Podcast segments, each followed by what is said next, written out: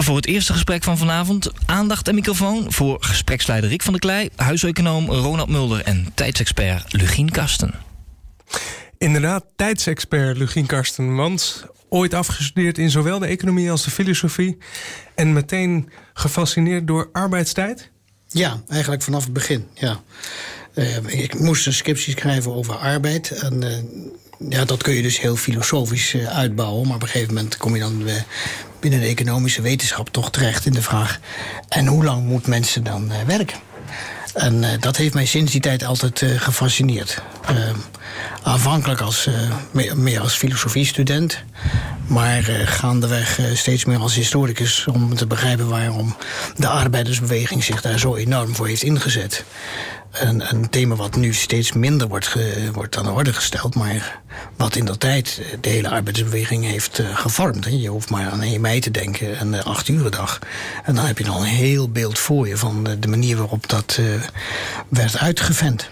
En hoe lang we moeten werken, niet alleen in juridische zin, maar ook in morele zin? Uh, nou ja, Marx, Marx had het altijd over uh, gekscherend dat er ook tijd moet zijn om te kunnen vissen en, uh, en boeken te kunnen lezen. En, of voetballen, Ronald Mulder? Ja. Het is ook heel belangrijk, trouwens ook belangrijk dat mensen tegelijkertijd vrij hebben. Anders heb je niemand om tegen te voetballen. Het, het, moest dus georganiseerd worden, ook de vrije tijd. En nou ja, daar is natuurlijk ook de, de arbeiderspartij overal in Europa zijn daar groot mee geworden. Want je moest aan een culturele ontwikkeling doen. En dat kon je ook wel in groepsverband doen. De Wereldbibliotheek is maar een voorbeeld, maar die is ontstaan dankzij uh, de inzet van de vakorganisaties en de socialistische partijen. En daardoor hebben we nu al die prachtige literatuur nog in die vorm bewaard gehouden. Uh, Keynes, die oude econoom, die zei ooit uh, dat na enkele decennia waarschijnlijk wij wel een paar uur per week zouden werken in plaats van de veertig die we tot nu toe uh, toch wel redelijk stabiel hebben gehouden de afgelopen jaren. Ja, het lijkt alsof het, dat 40 uur een beetje heilig is geworden. Maar inderdaad, uh, het wordt wel steeds vaker van stal gehaald dat voor Keynes, en dat schreef hij in de jaren 30, 30 uur meer dan zat was. En dat het zelfs wel verder terug zou kunnen. Uh, ja, en meer, meer dan genoeg in de zin dat je in die uren genoeg kon produceren om een goed leven te leiden. Uh, zeker, zeker. Technologische ontwikkeling zou het uh, alleen maar de productiviteitsstijging faciliteren. Dus je moest daar uh, ook als econoom consequenties uittrekken. Maar Keynes was natuurlijk een oproerknaaier in die zin. Uh, het was ook geen echte econoom, hè, zeggen sommige economen. Uh, het was iemand die allerlei andere opvattingen had... maar die niet echt economisch uh, zouden, zouden, hout zouden snijden. Nou, laten we het dan onze eigen oproerkraaier vragen. Wat zorgt er nou voor dat we toch nog zoveel blijven werken? Zoveel meer dan we echt nodig hebben om van te overleven, Ronald Mulder? Dat is een uh, hele goede vraag. Um, enige antwoord dat ik kan verzinnen is omdat we toch uh, steeds meer willen. Het, uh, en of dat nou in de mensen zit of dat dat ons door reclame wordt wijsgemaakt, dat we steeds meer nodig hebben. Maar het is heel logisch dat als, als je productiviteit stijgt, nou, dan stijgt ook salaris. Dan kan je met het uur dat je gewerkt hebt meer kopen. en dan zou je een afweging kunnen maken van wil ik dan nog meer kunnen kopen of wil ik meer vrije tijd? Nou, tot nu toe, uh, de laatste paar decennia, kiezen we ervoor om meer te willen kunnen kopen in plaats van meer vrije tijd. En ik, ja, daar zou, je, daar zou je anders over kunnen denken. En behalve het pure aantal uren dat je per week werkt, is ook interessant hoe je die uren dan over de werkdagen verdeelt. Uh, je ziet bijvoorbeeld dat um, in heel veel landen uh, die zo welvarend zijn dat ze meer werken dan ze strikt genomen nodig hebben om te overleven, uh, dat ze uh, bijvoorbeeld. Um, bijvoorbeeld zoals Tina Brown schreef laatst in de Daily Beast. Um, een soort permanent zwangerschapsverlof hebben. Doordat ze allerlei losse klusjes uitvoeren. Terwijl ze ja, eigenlijk ook wel met wat minder klusjes rond zouden kunnen komen. Is dat puur die consumptiedrang, uh, Ronald? dat, uh, sorry, ik werd even gegrepen door dat permanente zwangerschapsverlof. Een mooie, mooie uitdrukking. Um, ja, ik, ik, is dat niet wat te optimistisch? Wat ik om me heen zie aan mensen die heel veel klusjes naast elkaar uitvoeren, dan is dat vaak toch wel uh, bittere noodzaak, min of meer. Dat, uh, als je geen vast arbeidscontract hebt, dan mis je natuurlijk ook een hoop zekerheid. Dus dan moet je ook uh, in de betere tijden een, een, een, een speklaag zien op te bouwen. Want het blijft niet duren. Nou ja, dat is een belangrijk punt. Hè. We hebben natuurlijk inderdaad sinds Ford zijn we met dat consumentisme bezig geweest. Dat is natuurlijk nu al een eeuw gaande. Dat is mooi al gezetteld in de samenleving, om het zo maar te zeggen. En we hebben allerlei kredietfaciliteiten daar tegen aangeplakt. Zodat mensen op, op voorhand al kopen. Nog voordat ze eigenlijk het geld in, in, in hun zak hebben. Dus dat is helemaal geïnstitutionaliseerd. En dat zal dus ook heel moeilijk zijn om daar weer vanaf te komen. En voor een deel zal het ook helemaal nooit gerealiseerd worden, denk ik.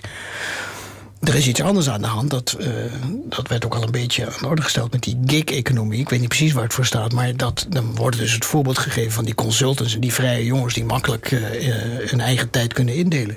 Ja, die vrije jongens, zoals Ronald Mulder. Ben jij er zo een?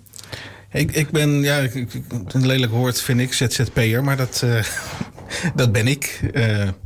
De Amerikanen zeggen self-employed. Dat klinkt, vind, vind, vind veel mooier. Ik zou wel dan dit willen zeggen over het woord gig. Volgens mij komt het uit de muziekindustrie. Volgens Ah. mij is een gig die je speelt uh, als muzikant, als instrumentalist... is even een, uh, een losse snabbel, een klus. Ja, even, de, de kluseconomie.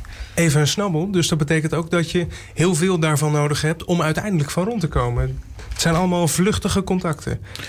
Ja, het, um, je, je hoort ook wel uh, een portefeuille uh, arbeider. Of, uh, en, dan, en dan niet een portefeuille in de zin van een, een portemonnee, maar een, een portfolio aan, ja. aan werk, zoals ja. de artiest dat noemt. Ja. Dus je, ook omdat ja, banen veronderstellen een beetje dat je dag in dag uit hetzelfde werk kan doen, dat er dag in dag uit daar behoefte aan is. En omdat alles steeds verder flexibiliseert, uh, ja, is dat steeds minder het geval. Dus je, je hopt van van gig hè, naar, van optreden naar, naar optreden en van snabbel naar snabbel. Ja. En dat, ja, zo, zo leven steeds meer mensen. En in de rock and roll denken we dat zo'n roadshow een en al vrijheid, blijheid is. Maar hoe zou dat in zo'n consultancy zijn? Lugin Karsten? Nou, de consultancy zorgen ook altijd wel dat ze een portefeuille hebben. Die, die zijn voldoende genetwerk. Want dat is natuurlijk ook het modewoord. Ja, als je, je zit in een netwerk en ze schuiven klussen naar elkaar door. Ze proberen dikke te vangen. Dan kunnen ze met, in plaats van alleen met hun eigen kantoor als uh, self-employed, met tien zo'n klus klaar. En de volgende keer heeft iemand anders zo'n dikke vis gevangen. Dan verdelen ze het weer. Dus daar werkt het prima. Alleen, uh, er is ook een keerzijde en uh, die wou ik even illustreren aan de hand van Walmart. Walmart zet zijn grote uh, warenhuizen neer in juist omgevingen waar voor de rest geen andere werkgelegenheid is. Dus die mensen worden totaal afhankelijk gemaakt. Die krijgen dan een, een, een zero contract, een nul euro contract of een, een minimaal contract. En die worden dus als yo-yo gebruikt op momenten dat het piekt in de, in de Walmart winkel. En die hebben dus geen alternatief om daarnaast ook een andere gig te vinden. En die zitten ook in die uh, 42 miljoen Amerikanen die op dit moment in die situatie zitten van zogenaamd self-employed. We krijgen altijd het positieve beeld, maar Walmart is het hele negatieve beeld. En dat gaat zelfs zo ver dat als die mensen uh, het hoofd niet boven water kunnen houden, dan moeten ze op de sociale zekerheid terugvallen. Nou, die is in Amerika minimaal. Maar nu hebben in een aantal staten de rechters ingegrepen. Die gezegd, het kan niet zo zijn dat de werkgelegenheid die Walmart uh, aanbiedt voor een deel door de, in, de vorm van sociale, sociale zekerheid ondersteund moeten worden. Dat is, niet het, dat is niet de praktijk. Dus die zijn aangeklaagd. En die, Walmart is dus gedwongen om die salarissen van die mensen substantieel te verhogen. Om in ieder geval het, het, het, water niet aan de lip laten stijgen. Dus Salaris je ziet daar heel extreem. Maar... Dus, ook vaster aantal uren per week bijvoorbeeld? Uh, oh, dat, dat, ja, dat moet dan door de lokale vakbonden worden af, uh, of, af, of uitonderhandeld. Maar het is iets wat in ieder geval uh, Walmart in een heel negatief daglicht heeft gesteld. En daar is behoorlijk wat, wat oproer over ontstaan, om het zo maar te zeggen. Die praktijken die kunnen dus heel extreem negatief worden. Je had, je had in de vakbeweging uh, altijd de term uh, a living wage. Hè? Je moest een, een, een, living wage wilden ze afdwingen. En, uh, een salaris waar je van, niet alleen van kon leven, maar ook nog een gezin van kon onderhouden. Dat, dat was eigenlijk wat, wat de vakbeweging wou, wou afdwingen. Met voetballende kinderen. En dat is, dat is ook steeds verder afgekalfd. Omdat ja. we vinden niet meer dat je per se een gezin moet kunnen onderhouden. Enzovoort. Maar dat heeft ook dit soort uh, negatieve consequenties. Ja, kijk, en dit is omdat ik onder de paraplu van dat heilige woord flexibilisering prachtig ingekapseld geraakt. Hè. We hebben natuurlijk flexibilisering gelanceerd als iets wat de economie uh, soepel uh, laat ontwikkelen, wat de arbeidsmarkt soepel zal laten ontwikkelen. En alleen maar met positieve voorbeelden heeft men dat proberen aan te kleden. Dat noemen we eh, in het algemeen functionele flexibilisering. Je mag dus binnen je bedrijf naar, op meerdere functies uh, vervolgens je carrière ontwikkelen. Heel positief beeld. Wat daarbij even veronachtzaamd wordt, is dat er ook numerieke flexibiliteit is. Dat mensen gewoon worden aangetrokken op het moment dat het bedrijf dat nodig heeft. En dan moet, dan is het, dan, dan er dus een substantiële hoeveelheid arbeid beschikbaar zijn op elk moment dat die bedrijf dat nodig heeft. Oh, het is opeens kerst. En dan moeten we heel veel mensen om al die dozen in te pakken. Precies, kijk maar. onverwacht is het opeens kerst. Ja, kijk maar, kijk maar naar, eh, naar, naar PostNL, die, eh, die daar eh, natuurlijk op draait. Uh, dit soort piekbelastingen, die, uh, de kosten daarvan, die worden voor een deel afgewendeld op de samenleving. En de bedrijven draaien er succesvol bij. De productiviteit stijgt. Ja, precies in die periode dat het voor hen goed uitkomt. En er dus veel pakjes moeten worden uh, afgewerkt. Oké, en als die werkweken dan zo flexibel worden. en ook flexibel verdeeld over het jaar. zoals uh, kerst nu helemaal met zich meebrengt. Um, hoe kunnen professionals zonder dat vaste, stabiele inkomen. dan nog vaste lasten dragen? Nou, dat wordt dus ook een groot probleem. Ja. Hoe zie jij dat voor de komende decennia, Ronald Mulder, gebeuren? Gaan mensen van mijn leeftijd uh, ooit nog hypotheken afsluiten? Ja, er zijn nou, uh, ik geloof, 800.000 ZZP'ers in Nederland. Van een miljoen. Uh, ligt een beetje aan wat voor definitie je hanteert. En de Rabobank wil daar natuurlijk ook gewoon hypotheken aan slijten. Dus, de, dus daar worden wel producten op ontwikkeld. Maar dat, dat, dus ze zijn er nog niet. Dat, dat is nu heel moeilijk. Maar dat is veel riskanter dan wanneer je een vaste baan hebt, toch? Want ja, hoe schat je in... Hoe vast is vast tegenwoordig, hè? Dat... Dat kan je ook afvragen. Dat, uh, vroeger was als je maar een salarisstookje had, als je een contract hebt voor een bepaalde tijd, dan kreeg je wel zo'n hypotheek. Um, of drie jaar opgave als zelfstandige? Ja, of drie jaar opgave als, uh, als zelfstandige, als ondernemer. En daarvan is natuurlijk ook gebleken dat dat geen echte zekerheid bood aan de bank. Het, uh, de, wat dat betreft, de woningmarkt is een goed voorbeeld waar nog wel wat uh, staat te gebeuren. Misschien zien we wel een revival, dat denk ik eigenlijk wel, van, uh, van huurwoningen. En uh, huurwoningen zijn nu alleen bijna nog in het sociale segment. Maar ehm, ja, bij, het zou goed passen bij het algemene beeld van flexibilisering als er ook voor hogere inkomens weer. En wie gaan, die, wie gaan die huurwoningen dan bezitten? Uh, wie, zich, wie zich gaan bezitten en gaan verhuren. Ja, de um, pensioenfondsen, de, misschien wel de banken. Pensioenfondsen, maar die hebben toch geen geld? Want we kunnen geen pensioenpremies per maand meer afdragen. Of zijn daar ook oplossingen nou, voor? Nou, ze, hebben nog ergens, uh, ze hebben nog ergens een kleine duizend miljard liggen op het moment. Nou, ik denk dat je het eerst even terug moet spelen. We moeten de corporaties weer de sociale corporaties laten zijn... waar ze in feite altijd voor opgezet zijn. En waar de sociaaldemocratie een belangrijke rol heeft vervuld... om dat überhaupt op te tuigen. Ik bedoel, daar zit een hele historie achter die, die rechtvaardigt dat corporaties er zijn... om sociale woningbouw uh, uh, te leveren. Alleen dat is een beetje de hand gelopen... omdat allerlei bestuurders een hele andere filosofie op na zijn gaan houden. En nu, nu, is het zo dat in die, in die totale padstelling de babyboomers worden uitgemeld. Die kan een ton leveren aan hun kinderen om, om een huisje te kopen. Want dan hebben ze zekerheid, althans de bank hebben dan zekerheid dat er, dat er iets te halen valt als het verkeerd gaat. En, en voor de rest hebben ze geen verhaal, want wij zijn ook recentelijk bij de bank geweest. En een van onze dochters die heeft op dit moment geen baan. Ik hoop niet dat ze het nu hoort, maar volgende week gaat ze weer solliciteren. Maar wij zijn bij een bank geweest en uh, daar werden we gewoon afgepoeierd. Uh, geen, wat geen, zei de bank? De bank die zei, um, uh, uw dochter wil ZZP gaan worden. Drie jaar salarisstrookjes of drie jaar inkomensstrookjes. En als ze een, uh, bij een bedrijf gaat werken... dan graag een, even een opgave van de personeelszaken... over de, de mogelijkheden om een vast aanstelling te krijgen. En dan komen wij over de brug. Ja, dat, ja, zo'n zo bedrijf, dus niet.